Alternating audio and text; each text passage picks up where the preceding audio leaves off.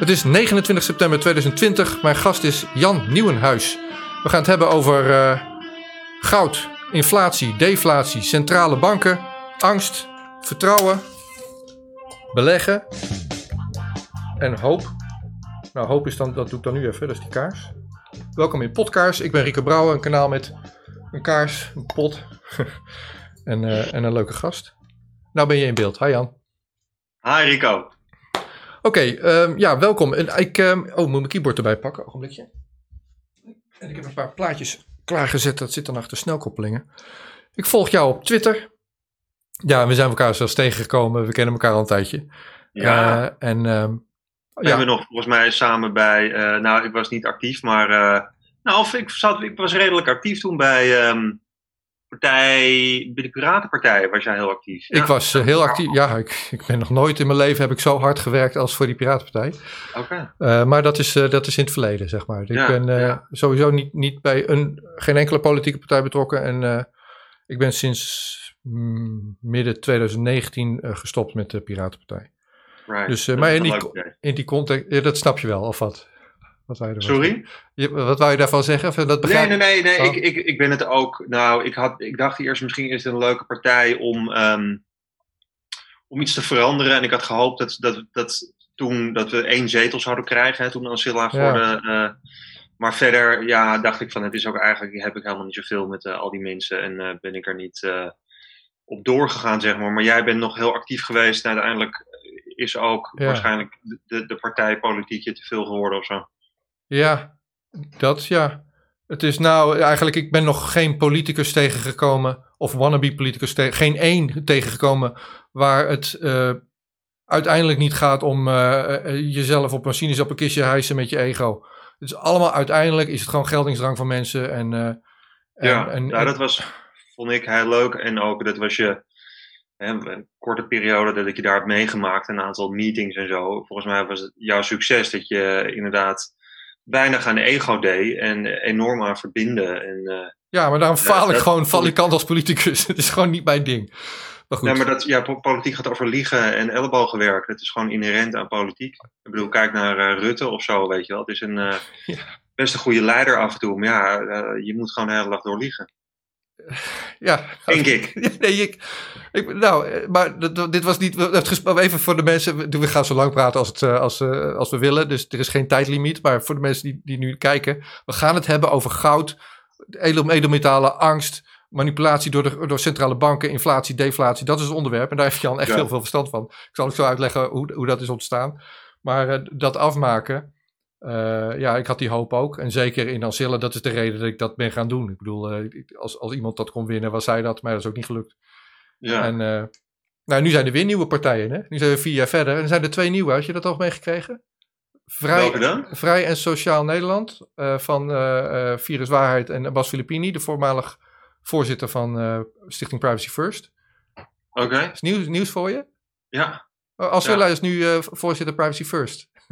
Oh, echt waar? Ja, Oh, oké. Oké, dat is de ene. En de andere is ehm, ehm, Richard de Mos, ge- gemeenteraadslid, voormalig loco-burgemeester en wethouder van Den Haag, die landelijke politiek gaat doen met Code Oranje.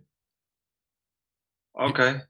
Ook nooit van gehoord. Nee, ook nooit van gehoord. Nee, nee, nee.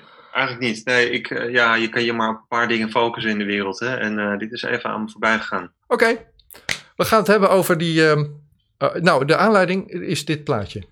En ik zet nu over jou heen, dat kan jij dan niet zien, maar ik zet een, een tweet uitvergroot over je heen en over mij heen. eh, waarin jij zegt: eh, The Fed supports gold. Fed is dan de Federal Reserve, de, de soort van centrale bank van de Verenigde Staten. Maar je, je deed dat in reactie op iets van Danielle Di Martino Booth. Dat vond, Ja. dat vond nou, dus ik lees dat en ik snapte het niet. En ik moest echt wel mijn best doen om het ongeveer te gaan snappen. En toen dacht ik, wat? Ik ben journalist, ik ken die gast. Ik vraag hem gewoon voor een interview. Deze tweet is de aanleiding voor ons gesprek. Ik zoom nou in Oh. met een tweede plaatje op die tweet van Danielle. En zij zegt, eh ja, this is the most important tweet I've sent this week. The Fed so fierce building disinflationary pressures. It's buying all the tips. Ik had nog nooit gehoord van tips. Moet jij me zo uitleggen. Ja. buying all the tips it can get its hand on in attempt to force inflation narrative. Dat is het ding. In attempt to force inflation narrative into investors' psyches. That's fear. Oftewel, de Fed is bang gewoon. En daarom doen ze gekke dingen. Nou, daar wil ik het over hebben. Want de, de, de nou, er is nog een plaatje, en dat komt dan straks ook terug. Ik laat nu het plaatje zien die zij erbij voegde. En dat de, de paarse lijn op de bodem, dat, ja, de, de, de, de schaal is in jaren. Dus 2013, 14, 15 tot en met 2020. En ineens koopt de Federal Reserve een enorm hoop tips. nou, dat is de tips bonds, ja. Tips bonds, ja. En de hele reden dat ik Piratenpartij ben gaan doen en dat ik nu journalist uithang, is begonnen in 2008. Die financiële crisis. En ik had ik zat bij iSafe, ik had een huis gekocht. We, hadden net, net, we, hadden net, we waren bezig met een tweede kind. en, eh, en ik had, ik had wat. En, en alles ging ineens mis. En, uh, en uh, mijn huis wordt minder waard. En, en je voelt je aan alle kanten belazerd. iSafe doet het niet meer. En ik dacht, jezus, ik ben helemaal ongeletterd. En in 2008 ben ik gaan lezen en leren. En, en, en, ik geloof dat we nog steeds in die crisis zitten. En dat dat, dat tot zijn beslag gaat komen binnenkort of zo. Dus dat wil ik ook aan jou vragen. Wat gaat er gebeuren dan? Of hoe ver zijn we dan? Maar volgens mij is jouw verhaal vergelijkbaar. Ik weet niet wanneer jij begon. Maar, dus dat wil ik eerst eh, mensen neerleggen. Wie is Jan Nieuwenhuis? Want ik ken jou als Koos Jansen. We hoeven dat niet heel lang te doen, maar wel even in, in een kort stukje. Waar begon jouw research mee? En hoe werd je Jan Gold, zoals je jezelf nu doet? Ja, nou, ik noem mezelf gewoon Jan Nieuwenhuis, maar mijn Twitter-handle is uh, Jan Gold. Maar het begon voor mij iets later. Ik begon in 2010 uh, eh, om dezelfde reden uh, als jij. Nou, ik had niks bij iSafe staan, maar ik begon me toch wel erg te verwonderen over de wereldeconomie. En ehm, ik was in die tijd geluidsman voor films.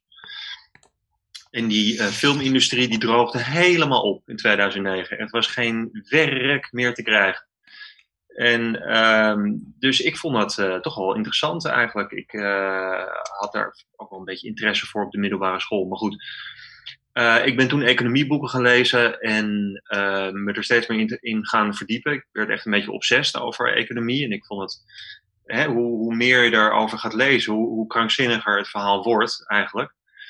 En op een gegeven moment um, kreeg ik een knieoperatie kreeg ik een, chronische pijnaandoening aan mijn knie. Nou, ik kon mijn oude werk niet meer doen.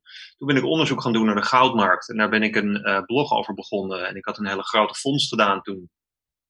Nou, ik was ooit een soort Twitter-account, uh, of een soort, ik was een Twitter-account begonnen al onder de naam Koos Jansen. Omdat ik het heel leuk vond om alle dingen waar ik over las, om daar een beetje over te delen.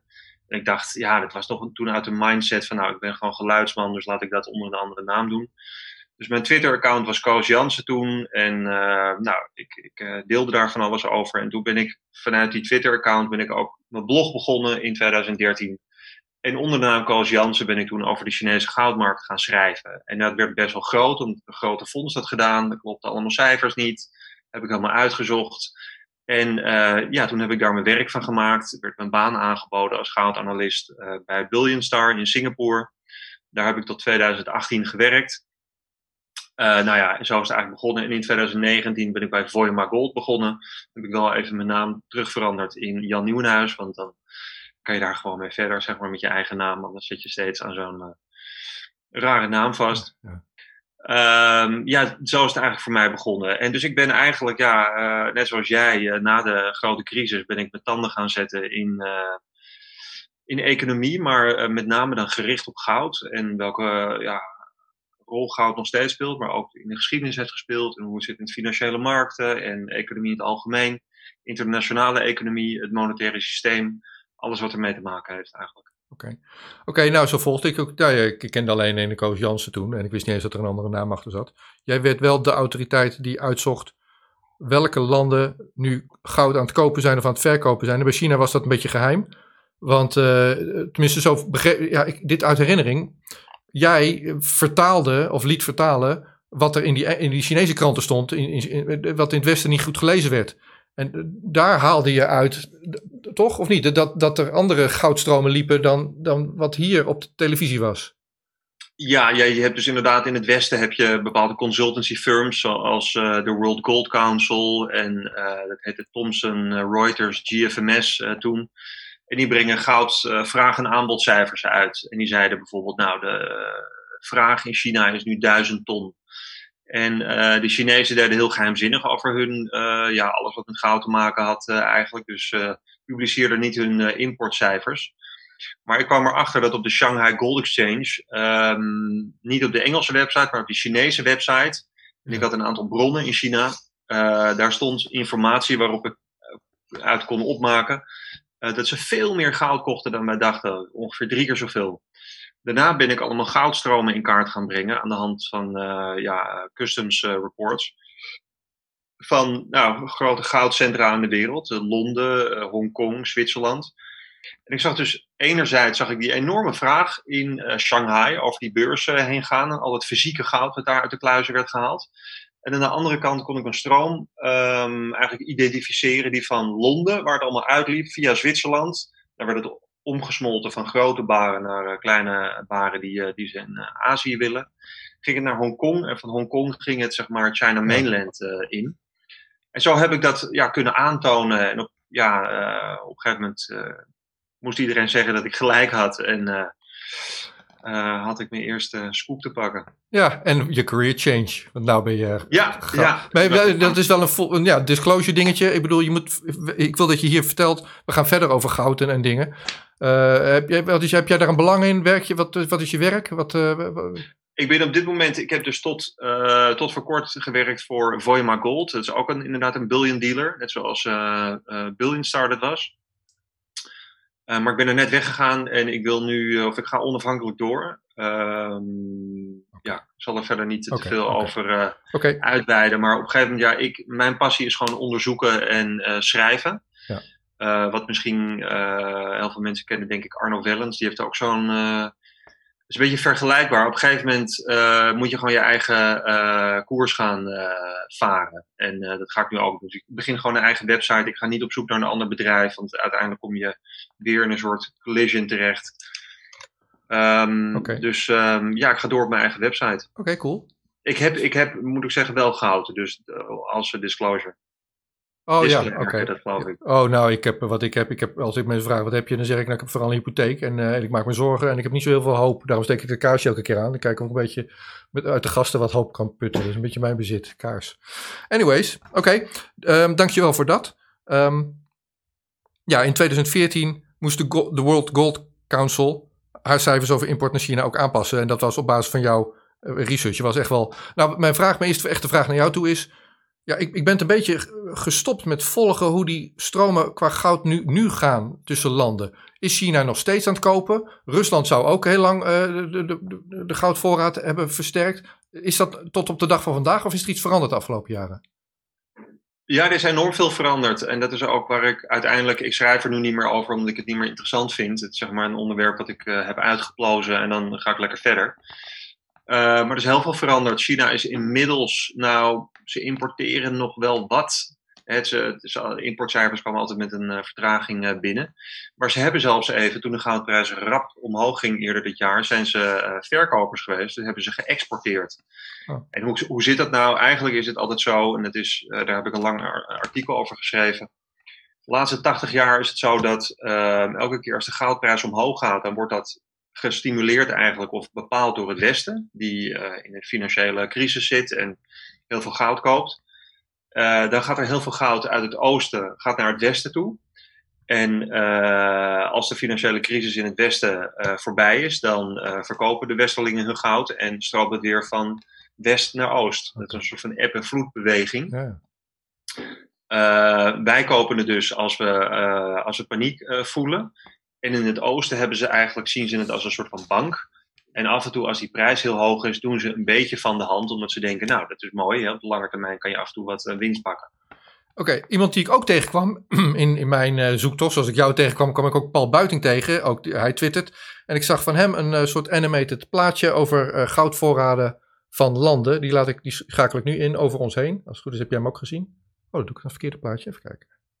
Het verkeerde plaatje. Waar zit hij nou? Daar. En dan zie je in grafieken de goudvoorraad. Dan zie je China en Rusland uh, ja, oplopen in de tijd. Hij zit nu in 2005, 2006. Nou, dat is voordat onze interesse gewekt was. En dan, dan kopen ze ineens uh, uh, ja, op. Ik neem aan dat ze het dan kopen bij andere landen. Want ja, je kan het er niet bij maken of zo. Of vanuit de, de, de.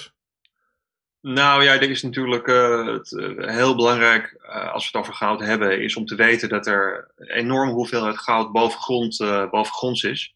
En er komt elk jaar maar anderhalf procent bij uit de mijnen. Ja, maar bij goud is het eigenlijk het de stock-to-flow ratio. Die is heel hoog bij goud. Dus wat er uit de mijnen komt is eigenlijk niet zo heel erg belangrijk op de korte termijn. Ja.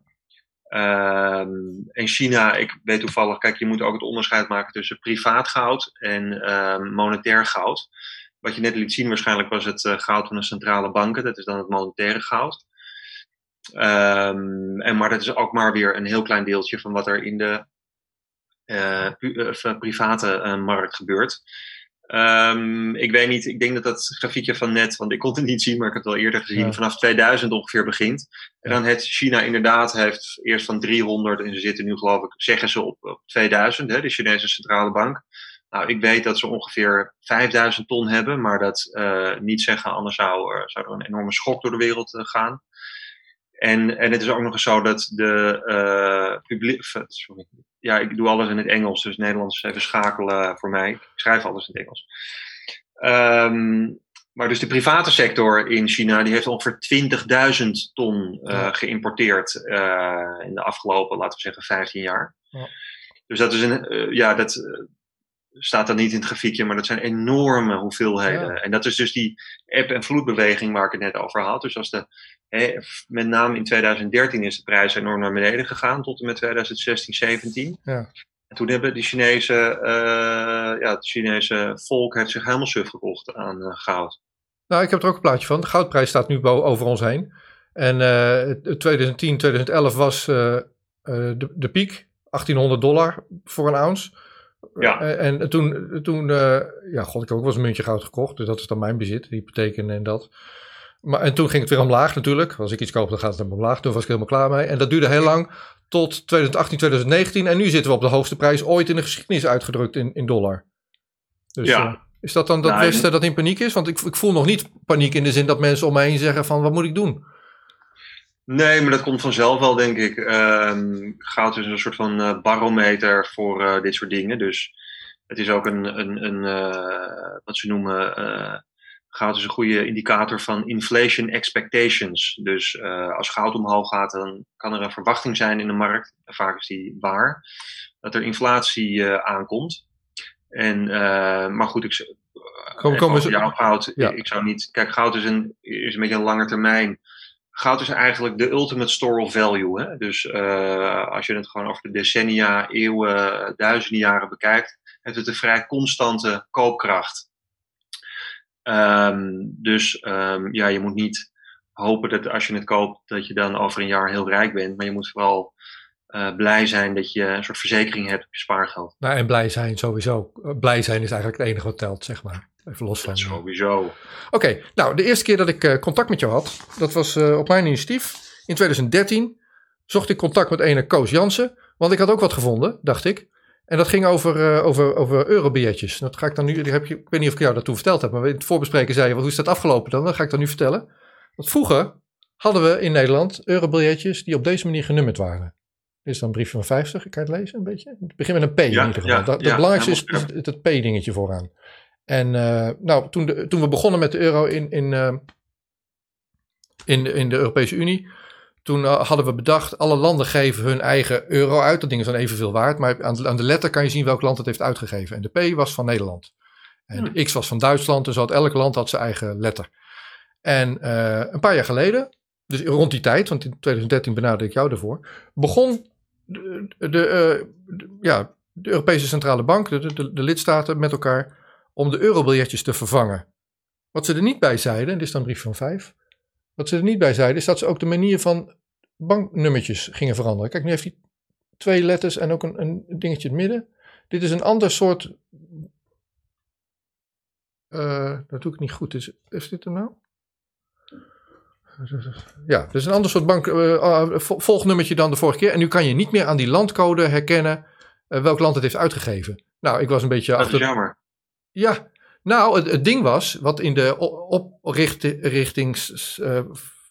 oprichtingsafspraken van, de, van de euro was gedaan. Dus al, when all hell breaks loose, als de, de, de sky is falling, als, als alles misgaat, dan vallen we gewoon terug. En dan zijn de P'tjes wettig betaalmiddelen in Nederland en de X'jes in Duitsland. En dan we het op die manier lossen we het wel op.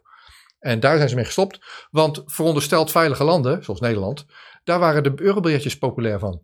Dus als mensen al eh, briefjes van 50 onder hun matras gingen leggen, dan wilden ze graag Nederlandse briefjes. Dus die P'tjes die raakten op, of Duitse briefjes, de X'jes raakten op. En, Dat is ehm, wel een heel interessant verhaal eh, wat je daar vertelt. ja, Nou, dat, vond ik dus ook. En ik vroeg aan Koos Jansen toen, die kennelijk geen Koos heet, was jij namelijk.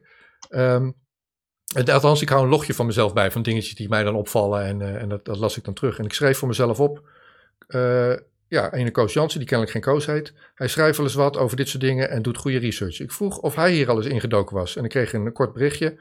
Ja, als je dat wil weten, vraag het dan aan de Nederlandse bank. En ik had nog nooit iets gevraagd. Ik zat alleen maar op, mijn- achter mijn computertje te internet van hoe werkt de wereld nou eigenlijk met geld. Maar ik dacht, ja, je hebt wel gelijk. Dus ik stuur een berichtje naar de Nederlandse bank. Van hoe werkt het nou met die nummertjes? En hoe kan ik aan die nieuwe bankbiljetjes zien uit welk land ze komen? En dan zeggen ze, dat vertellen we niet. Nou, ze zeiden het heel netjes. Het is niet zo dat die regel is veranderd. Want welk land geeft het nu uit? Ze hebben die afspraken die onder de euro liggen niet veranderd. Maar ze hebben de, de bankbiljetnummertjes veranderd. En nu kan je niet meer zien welk land het heeft uitgegeven. Maar het is dus dat het, het is nog wel gecodeerd, alleen de code is geheim. Dus Nederland kan bijvoorbeeld eh I5 zijn, Of er maar dat weten we niet. ja, of, weet het niet. of het is een hash. Nou, ja, precies. Leuke scoop zijn om uit te vinden wat, eh, wat nu de nummertjes zijn. Nou ja, ik, ik ben dan zo'n goede. Ik ben geen goede journalist wat dat betreft. Ik, had, ik, ik vroeg aan ze: wat is de deal met die nieuwe nummertjes? En waarom kan ik niet meer herleiden dat het uit, uit welk land het komt? En dan zeggen ze: Nou, dan kan je inderdaad niet meer herleiden uit welk land het komt. Dan denk ik: Oké, je hebt dus iets te verbergen, je wil het me niet vertellen. En eh, ja, nou, dan kan ik wel erin gaan duiken. Ze willen het geheim houden. Nou, dan, dan oké. Wat ik zocht was: kan ik het vertrouwen of niet? Nou, dat vertrouw ik dus niet. Dat was mijn. eh, Nou ja, je ziet dat het een teken is van verdere integratie en ook eh, dat ze dingen willen doen waardoor het onomkeerbaar is, hè, die euro. En dat, dat zie je met alles. Ja. Elke keer wordt er weer een klein stapje gezet Nou, en dan worden we allemaal, ja, ja, eigenlijk eh ze waren oneerlijk. graag in eh, geduwd. Wat, wat ze, ja, dat precies dat, ja. Ze waren oneerlijk, want ze zeggen, toen, toen die nieuwe bankbiljetjes werden geïntroduceerd, dus dan een oud briefje van 50, maar toen die nieuwe werden geïntroduceerd, geïntroduceerd zeiden ze dat het was vanwege valsemunterij. En dan eh, met vlag en wimpel stond de, het briefje van 50 bovenaan, die zou het meest gevalse munt zijn. Briefjes van 5 niet. Ja, weet je hoeveel werk het is om een goed nagemaakt briefje van 5 te maken? Dat is een hoop gedoe. Dus die werden, die werden niet of veel minder vals gemunt, maar die gingen ze als eerste vervangen. Dan denk ik, ja, als het je te doen is om valse munterij tegen te gaan, dan moet je gewoon die van 50 vervangen. Wat, waarom begin je dan met die van 5? Dat vond ik ook een gek verhaal. Snap je? En zo hebben we eerst die van 5, dan die van 10, dan die van 20 en toen die van 50 eh, vervangen. En eh, dan gaan we kijken. Als je het uit de pinautomaat haalt, die oude nummertjes, die, krijg je, die, die zitten er niet meer tussen. Die zijn allemaal uit relatie gehaald. Hm. Behalve als ze nog onder iemand zijn kussen liggen. Of zo, of onder zijn matras. Nou, dat was dat verhaal, 2013. Wel leuk om dat nu aan jou zo te vertellen. Dat is echt... echt Ja, nou, ik, vond het, ik, ik wist wel dat die muntjes natuurlijk een, eh, andere, een ander gezichtje hadden. Hè? Die kwamen, kon je zien of het uit Duitsland Ja. kwam, et cetera. En ik vond het, ik, tot voor kort, tot vijf minuten geleden, dacht ik dat het inderdaad handig is. Als al dat geld nog gescheiden kan worden, kunnen we nog misschien het, de boel ontvlechten. Maar goed, het Maar dat kan misschien ook wel. Er zit gewoon een algoritme onder. En als je dat door die computer heen duwt, eh, door de, die, die nummertjesleesmachine bij de Nederlandse bank, dan zal die vast wel stapeltjes maken van welk, uit welk land komt het alleen. Alleen jij kan het niet lezen aan de hand van dat ene voorlooplettertje. Ja, oké, nou laten we, laten we het in gang zetten. Ja, ik denk dan who cares of zo. Want eh, er, gaan nu er gaan nu geluiden op. Was het de Socialistische Partij die zei van we moeten maar eens even actief werken aan een vervangende munt misschien. Want het gaat niet goed met de euro. Dat was vorige week het nieuws. Ja. Heb je dat gehoord? Nou, ik heb het niet uitgezocht nog. Anyways, dit, maar dit houden we allebei in de gaten. En, ehm, ehm, en dan twitter jij, daar, daar wil ik naar terug, dat berichtje van The Fed Sports Gold. En dat was in reactie op Danielle Di Martino Booth. Die, ehm nou, dat heb ik dat net voorgelezen. En wie is dat dan? Ehm, columnist, former Federal Reserve Insider. Dus zij heeft gewerkt of zo bij de Federal Reserve, denk ik dan. Ik neem aan dat Ja, jij haar volgt op Twitter. Nou, in gewoon Nederlands, in Jip Janneke taal. Dat al die mensen die dit gaan zien het snappen. Wat, wat zijn Treasury Inflated Protected Securities? Tips. Waarom koopt de Federal Reserve Bank dat?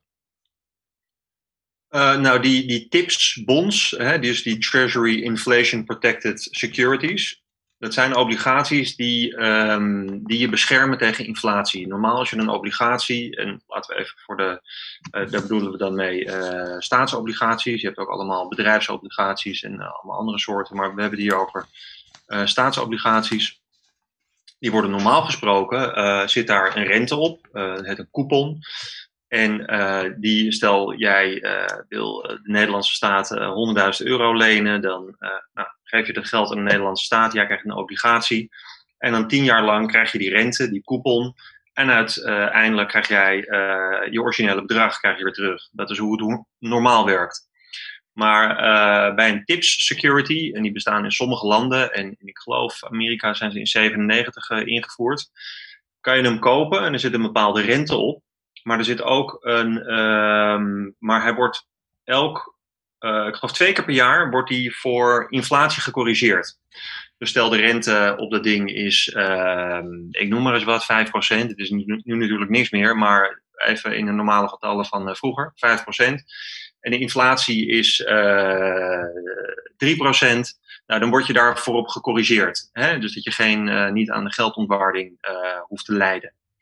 Dus die, ja, die, die tips securities, dat zijn ja, een soort van nieuwe of dat is een, een afdeling van het hele obligatiepakket wat, uh, wat er rond uh, zweeft van, uh, van de Amerikaanse staat. En nu is het zo dat uh, die. We gaan nu kijken naar. Misschien heb je dat grafiekje bij je. Ja. Die heb ik even gemaakt. Is dat die. Ehm, je ziet de 10-year tips yield. Dat staat niet boven in het grafiekje, maar dat is de, de blauwe lijn. Daar zie je, ik heb de, die zit op de linkeras. En wat je ziet is dat ik hem heb omgedraaid, die as. Dus uh, je ziet als die yield, of die rente, als die lager wordt, en dat is dus de reële rente, hè, omdat het, de rente is min inflatie. Uh, als die negatief wordt, dan heb je dus een negatieve reële rente. Of, oftewel, je bent elk jaar uh, verlies geld. Ja. ja. Um, dan uh, gaat dus de blauwe lijn omhoog bij een, een, een, eh, een diepere negatieve uh, reële rente. En dan gaat goud dus, uh, gaat, de goudprijs gaat dan omhoog. Want logisch, hè, als je elk jaar bijvoorbeeld, ik noem maar eens wat, 1 of 2 procent van je geld verliest, ja, dan ben je meer geneigd om met je geld naar, naar goud te gaan en gaat de goudprijs omhoog. Nou, de correlatie die we zien in de grafiek is een, ja, nogal een ja, een, een, afspiegeling van hoe financiële markten uh, goud en die tipsbonds eigenlijk um, waarderen. Um, en uh, de grap is nu dus hoe, hoe, hoe dieper de negatieve rente is, hoe, hoe hoger de goudprijs. En de Federal Reserve en ook de ECB en al deze andere centrale banken, omdat we met z'n allen zitten tot over onze oren in de schulden, en de enige manier om daaruit te komen is inflatie. Want als jij bijvoorbeeld uh, een schuld hebt van uh, eh, 100 euro, dan is dat hartstikke vervelend. Maar uh, als er 10 jaar 10% eh, inflatie overheen gaat, is opeens die, die schuld van jou is niet meer zoveel waard. Dus inflatie kan de schuldenlast doen eroderen eigenlijk. Nou, we weten natuurlijk dat een heleboel. Hé, hey, doe eens niet, hond. We hebben een hond. Uh. Nou, sorry, het geloof dat het over is. Overheden in uh, Europa, maar ook in Amerika en uh, trouwens ook allemaal bedrijven. Iedereen zit tot, tot, in zijn oren, uh, tot over zijn oren in de schulden. Ja. En ze willen inflatie. Nou, er is een enorme ook deflationaire kracht nu in de economie, omdat ze allemaal bubbels hebben opgeblazen. En op de, in de, um, met aandelen ook en real estate en noem het allemaal maar op ja, de natuurlijke kracht van de economie is dat als dat implodeert, hè, als dat weer zijn natuurlijke waarde gaat vinden, dan krijg je deflatie. Dus uh, ze blijven maar geld bijdrukken en uh, meer inflatie willen aanjagen, zodat we inflatie krijgen. En uh, goud is daar een onderdeel van. Hè. Ik vertelde net al een soort van barometer voor inflatie en inflation expectations. En wat blijkt dus dat de Fed doet? De Fed koopt dus uh, ontzettend veel van die tips-obligaties. Uh, waardoor ze eigenlijk de correlatie met goud, omdat er correlaties met goud, eigenlijk de markt verleiden om ook goud te kopen. En daarmee nog meer, uh, laten we zeggen, um, inflatieverwachtingen aan te jagen in, in de economie. Waardoor mensen inderdaad denken, ja, er komt echt inflatie aan. Want inflatie zit zo op elkaar dat het uh, heel erg gedreven wordt door inflatieverwachtingen. Als jij denkt dat er inflatie aankomt, ga je heel snel, krijg je een flight out of currency, heet dat. Dus om die inflatieverwachtingen te stimuleren, uh, kopen ze die tips bonds en gaat de goudprijs omhoog, wat ook weer de inflatieverwachtingen uh, stimuleert. En zo hopen ze uiteindelijk echt inflatie te krijgen, want uh, inflatie creëren is zo makkelijk nog niet. Ik zie je met allemaal vraagtekens in Oh joh, ik heb er een miljoen. Ja, wat... wat nou, laten we beginnen. Wat, vorige week of zo was, was ook weer zo'n ding in het nieuws. Dat JP Morgan, zo'n grote, grote bank in Amerika, die, die kocht een onderzoek af met een miljard aan boete, geloof ik, of zo.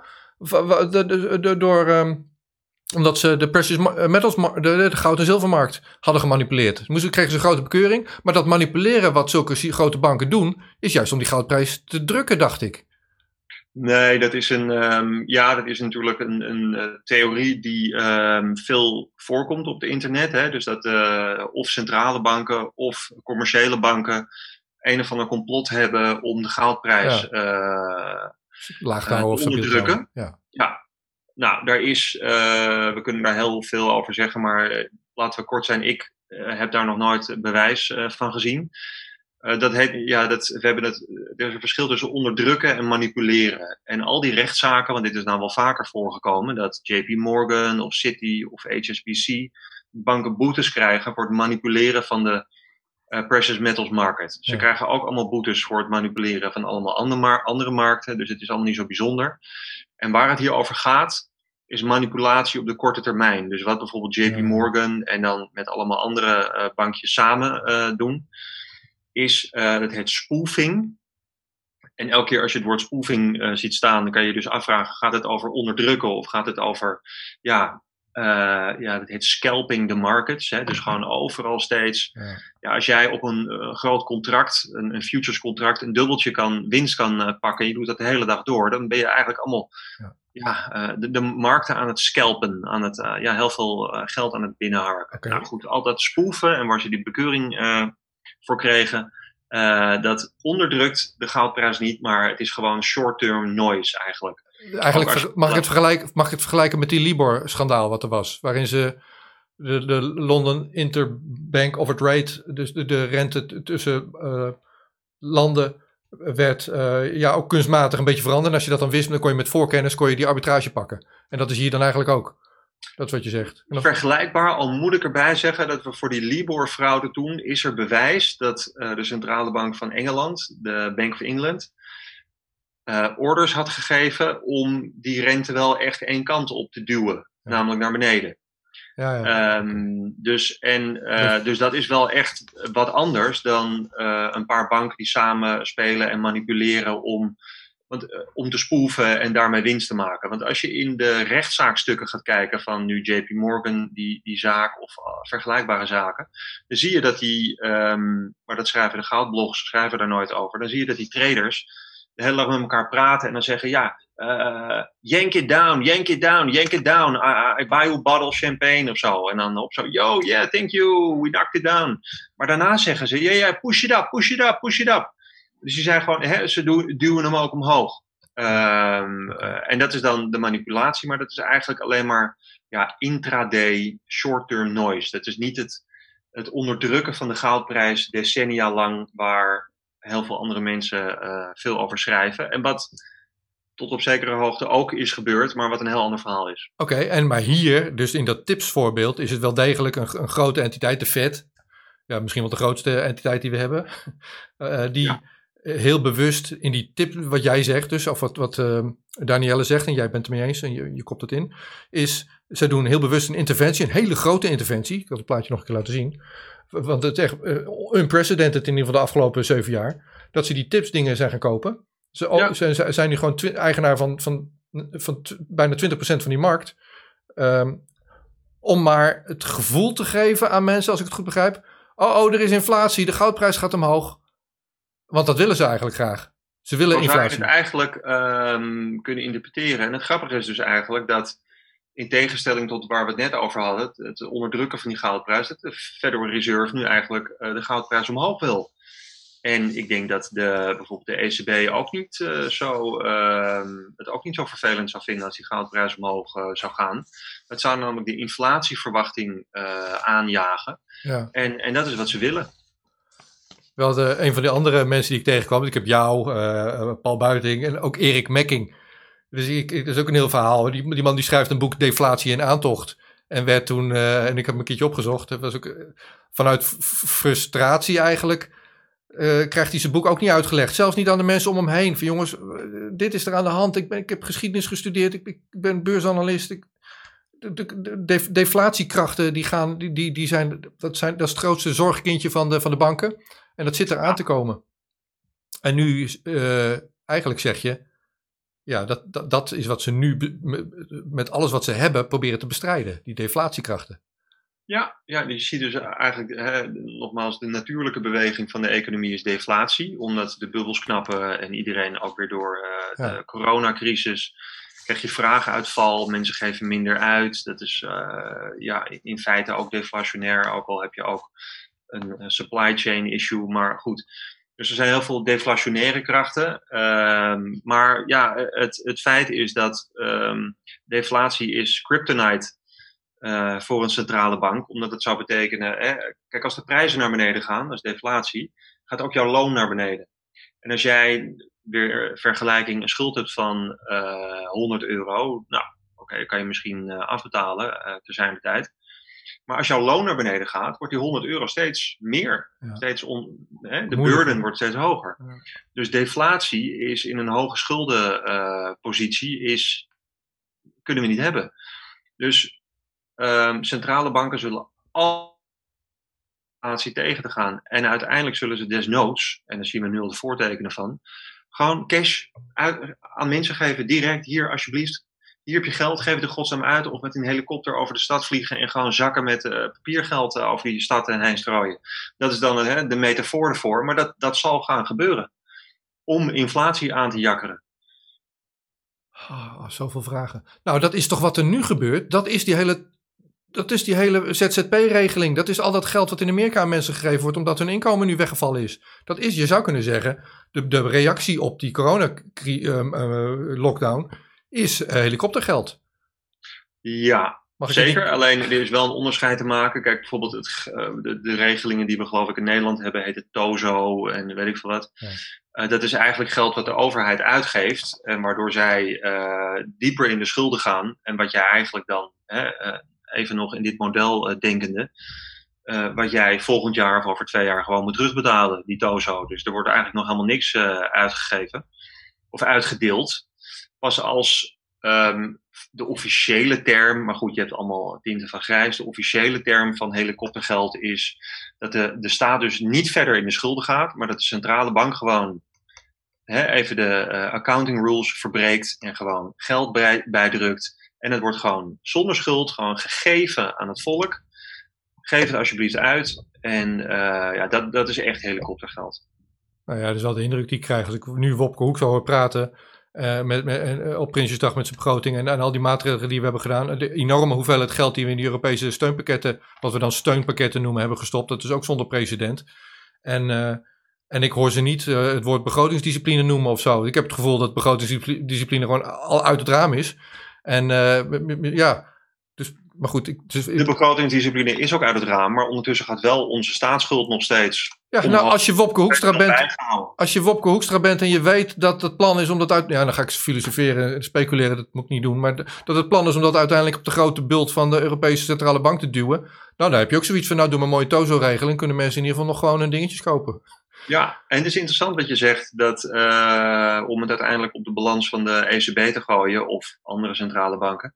Kijk, wat, er, wat ik denk, een van de dingen die er gaat gebeuren, is dat die, en dat zijn ze natuurlijk al jaren aan het doen, die centrale banken in Europa, de nationale centrale banken, maar ook de ECB, kopen heel veel staatsobligaties. Hè, want sommige landen die zijn al lang failliet, zoals uh, Griekenland en Italië. En die kopen die uh, obligaties om die rente laag te houden, hè, dat weet je. Maar dat staat dus, al die eigenlijk ja, waardeloze uh, obligaties staan op de balans van die uh, centrale banken. En die hebben dus ja, assets en liabilities hè, op zo'n balans van een centrale bank. En er zijn dus een heleboel assets die zijn eigenlijk ja, waardeloos. En die moeten ze op een gegeven moment moet daar een, met een stift gewoon een rode lijn doorheen.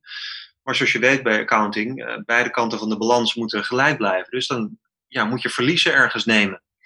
Nou, wat kunnen ze doen? Uh, ze hebben ook goud aan de assetkant van de, aan de activa, heet dat in het Nederlands. Aan de activa kant van, uh, van de balans staan. En als ze de goudprijs omhoog weten te krijgen, wat ze heel simpel bijvoorbeeld kunnen doen door geld bij te drukken en goud te kopen. Als de goudprijs omhoog gaat, stijgt de uh, waardepost van het goud, waardoor ze de verliezen van bijvoorbeeld obligaties kunnen opvangen. Dus met goud kunnen ze eigenlijk hun balans repareren. Dat doen ze nog niet, hè? Dat zou ook gewoon kunnen. Nog niet, maar dit zijn allemaal, uh, dit soort dingen gaan er aankomen. Ik, een van de mensen waar Erik Mekking me dan weer op attendeerde was Martin Armstrong. Die man die, die doet in alles ziet die, ziet die cyclische bewegingen, golfbewegingen. Is ook een analist, ook, die, ook monetaire uh, historicus. En die zegt de enige manier waarop de goudprijs gaat stijgen is als er uh, paniek in de markt is. Alleen angst maakt dat de, de prijs van goud uiteindelijk omhoog gaat. Maar dat is dan het verlies van vertrouwen in, in, ja, in uh, papier. ja, Als ze dit niet meer vertrouwen. Currency. Ja, het is een beetje hetzelfde. Het is heel erg, goudprijs is heel erg gerelateerd aan inflatie. En inderdaad aan dat grafiekje wat ik je net zag. Dus aan de ene kant inflatie en aan de andere kant ook de rente. Dus dan hou je de ja. real interest rate over. Uh, ja, we kunnen, ik kan nog een heel technisch verhaal ophalen. Nee, ik, tips, maar superleuk. ik weet, je hebt het buiten, nou snap ik het. Dankjewel. De Fed, de Fed supports gold. Nou ja, dat is wel uh, hoopvol. Ik, ik, mag graag, ik bedoel, ik vind het leuk dat dit werkt en zo. En dit is allemaal praktischer bij de, bij de supermarkt dan, uh, dan uh, zilver of goud. Maar ik mag graag zien dat, het, dat, dat ik wat meer vertrouwen krijg in dat dit, dit de lange termijn ook werkt. En dat ben ik nu wel een beetje kwijt. Ja, nou ja, ik zie goud als een store of value. En uh, kijk, tot op heden is het allemaal nog best wel binnen de perken gebleven. Hè? Dus uh, als ik met mijn moeder praat, ik geef maar even een voorbeeld. Moet ik trouwens niet doen dit, want ik weet dat ze vaak kijkt. En belletjes, belletjes over. Ja, maar als ik met mijn moeder praat, dan... Um, kijk, die ziet geen, uh, niks schokkends nog in de supermarkt gebeuren. Nee. Hè? Een brood gaat wel een klein beetje omhoog of whatever. En zo'n ja. ziekte veel meer. Maar ja, aan de andere kant, uh, bijvoorbeeld uh, harde schijven worden steeds goedkoper. Dus voor het gros van de mensen is er nog niet zoveel aan de hand. Uh, maar dat gaat wel gebeuren. En dan, ja, weet niet meer wat de vraag was, maar... nou, dan ging je naar de toekomst kijken. nou ja, omdat jij zei van inderdaad, we hebben papiergeld, we hebben goud. En ik zie goud als een store, echte store value op de lange termijn. En papiergeld, ja, dat gaat op een gegeven moment gaat het daar altijd mee mis. Dus wat ik denk is dat veel meer mensen de komende tijd hun, wat van hun spaargeld gaan uh, aanhouden in fysiek goud. En daarnaast lekker ja, betalingen blijven doen met uh, euro's. Uh, omdat het bijvoorbeeld handiger is, gewoon makkelijker. Een van de, ja, ik heb mijn eindtune al gedaan, maar er zit geen tijd op deze uitzending. Dus ik heb nog wel een vraag. Want een van de frustratiedingetjes die mensen, als ik mensen spreek zoals jij, en ik, dat, ik spreek ze nou ook al onder andere al een jaar of tien is van, eh, ja nee, maar het gaat nu wel binnenkort gebeuren. En dan gebeurt het al tien jaar niet. Dus als jij een datum zou plakken op, uh, op, een, op een echte prijsinflatie van, van, van goud, is dat dan uh, 2020, uh, de verkiezingen van Trump of Biden, of is dat volgend jaar? Moeten we nog tien jaar wachten? Ja, het zou inderdaad, we kunnen, het kan nog een tijdje duren. Het kan nog wel tien jaar door. Ja, ja, ja. Betekent niet dat het, maar het, kijk, inderdaad, ik kan ehm, uh, ik kan het niet timen, maar dat is het, uh, vind ik het aardige van goud. Je hoeft niks te timen. Je moet het gewoon. Uh, het is er al duizenden jaren op die manier. Het voel je gewoon safe en verder hoef je niet na te denken over wanneer het gebeurt. maar je ziet ook wel, ik denk dat jij die mensen ook wel kent, mensen zoals bijvoorbeeld Lex Hoogduin, hè, wat toch niet de minste econoom is, die beginnen zich ook wel echt ernstig zorgen te maken. Er is eigenlijk bijna geen scenario, ja, er is geen scenario meer mogelijk hoe we hier zonder kleerscheuren uitkomen. Er is ook geen, uh, het is heel grappig, uh, sommige economen, ik luisterde gisteren een interview van een econoom en hem wordt wel eens gevraagd, je bent toch zo slim, kan je niet iets verzinnen? En zo ja. gaat het dus niet. Weet je, kijk, als je de economie heel veel schade toebrengt, kan je niet met een of ander foefje, kan je net, kan je die, kan je de financiële pijn eh, weghalen. Hè? Je kan niet de schulden opeens doen. Hè, want schulden zijn ook weer iemand anders bezit. Uh, dus uh, ja, er is echt niks aan te doen. Ja, de opdracht van de gast is altijd met, met een positief, hoopvol dingetje. Nou, mijn hoop zat erin van, nou doe het dan gewoon. Dus dat, dat is mijn hoop naar zo'n Trump dan. Volgens mij is hij heel bedreven in bedrijven failliet laten gaan en daar geld, geld op maken. Dus ja, doe dan gewoon die staatsschulden schrappen en kijk waar de pijn zit. Want dan kan je in ieder geval weer verder of zo. Ja, ik ben ook maar onorthodox aan het nadenken nu. Ja. schrappen, dat zou een echte default zijn. Dat zou wel een enorme schok zijn. Uh, en bovendien, Trump is niet, uh, hij kan wel de baas van de Federal Reserve aanwijzen, maar de Federal Reserve is uh, ja, onafhankelijk eigenlijk, wat natuurlijk niet zo is, maar goed. Nou, Zack Voorhees, een oud Google-medewerker, die zei hier in de uitzending van, weet je wat er veranderd is in het voorjaar? De Fed is gewoon genationaliseerd eigenlijk, de facto. Ja, ja is zo, is zo. Ja, ja, zeker. Nee, maar je ziet nu enorme aardverschuivingen. En uh, ja, wat ik zeg, de inflatie is nog, uh, is nog uh, laag nu, maar er zijn enorme krachten spelen er. Maar om positief af te sluiten, ja, ja, ja. het is allemaal maar geld, Rico. Zo is dat. Dus weet je, who cares? als je fijne mensen om je heen hebt en waar je van houdt en je kan af en toe genieten van de natuur, vind ik allemaal veel belangrijker. Blijf veilig, Jan. Dankjewel. Hey. Yes, we came, we saw, he died.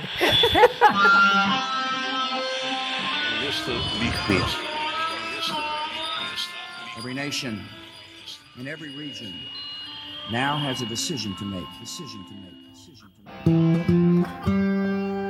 You think I'm joking? Predator drones. you will never see it coming.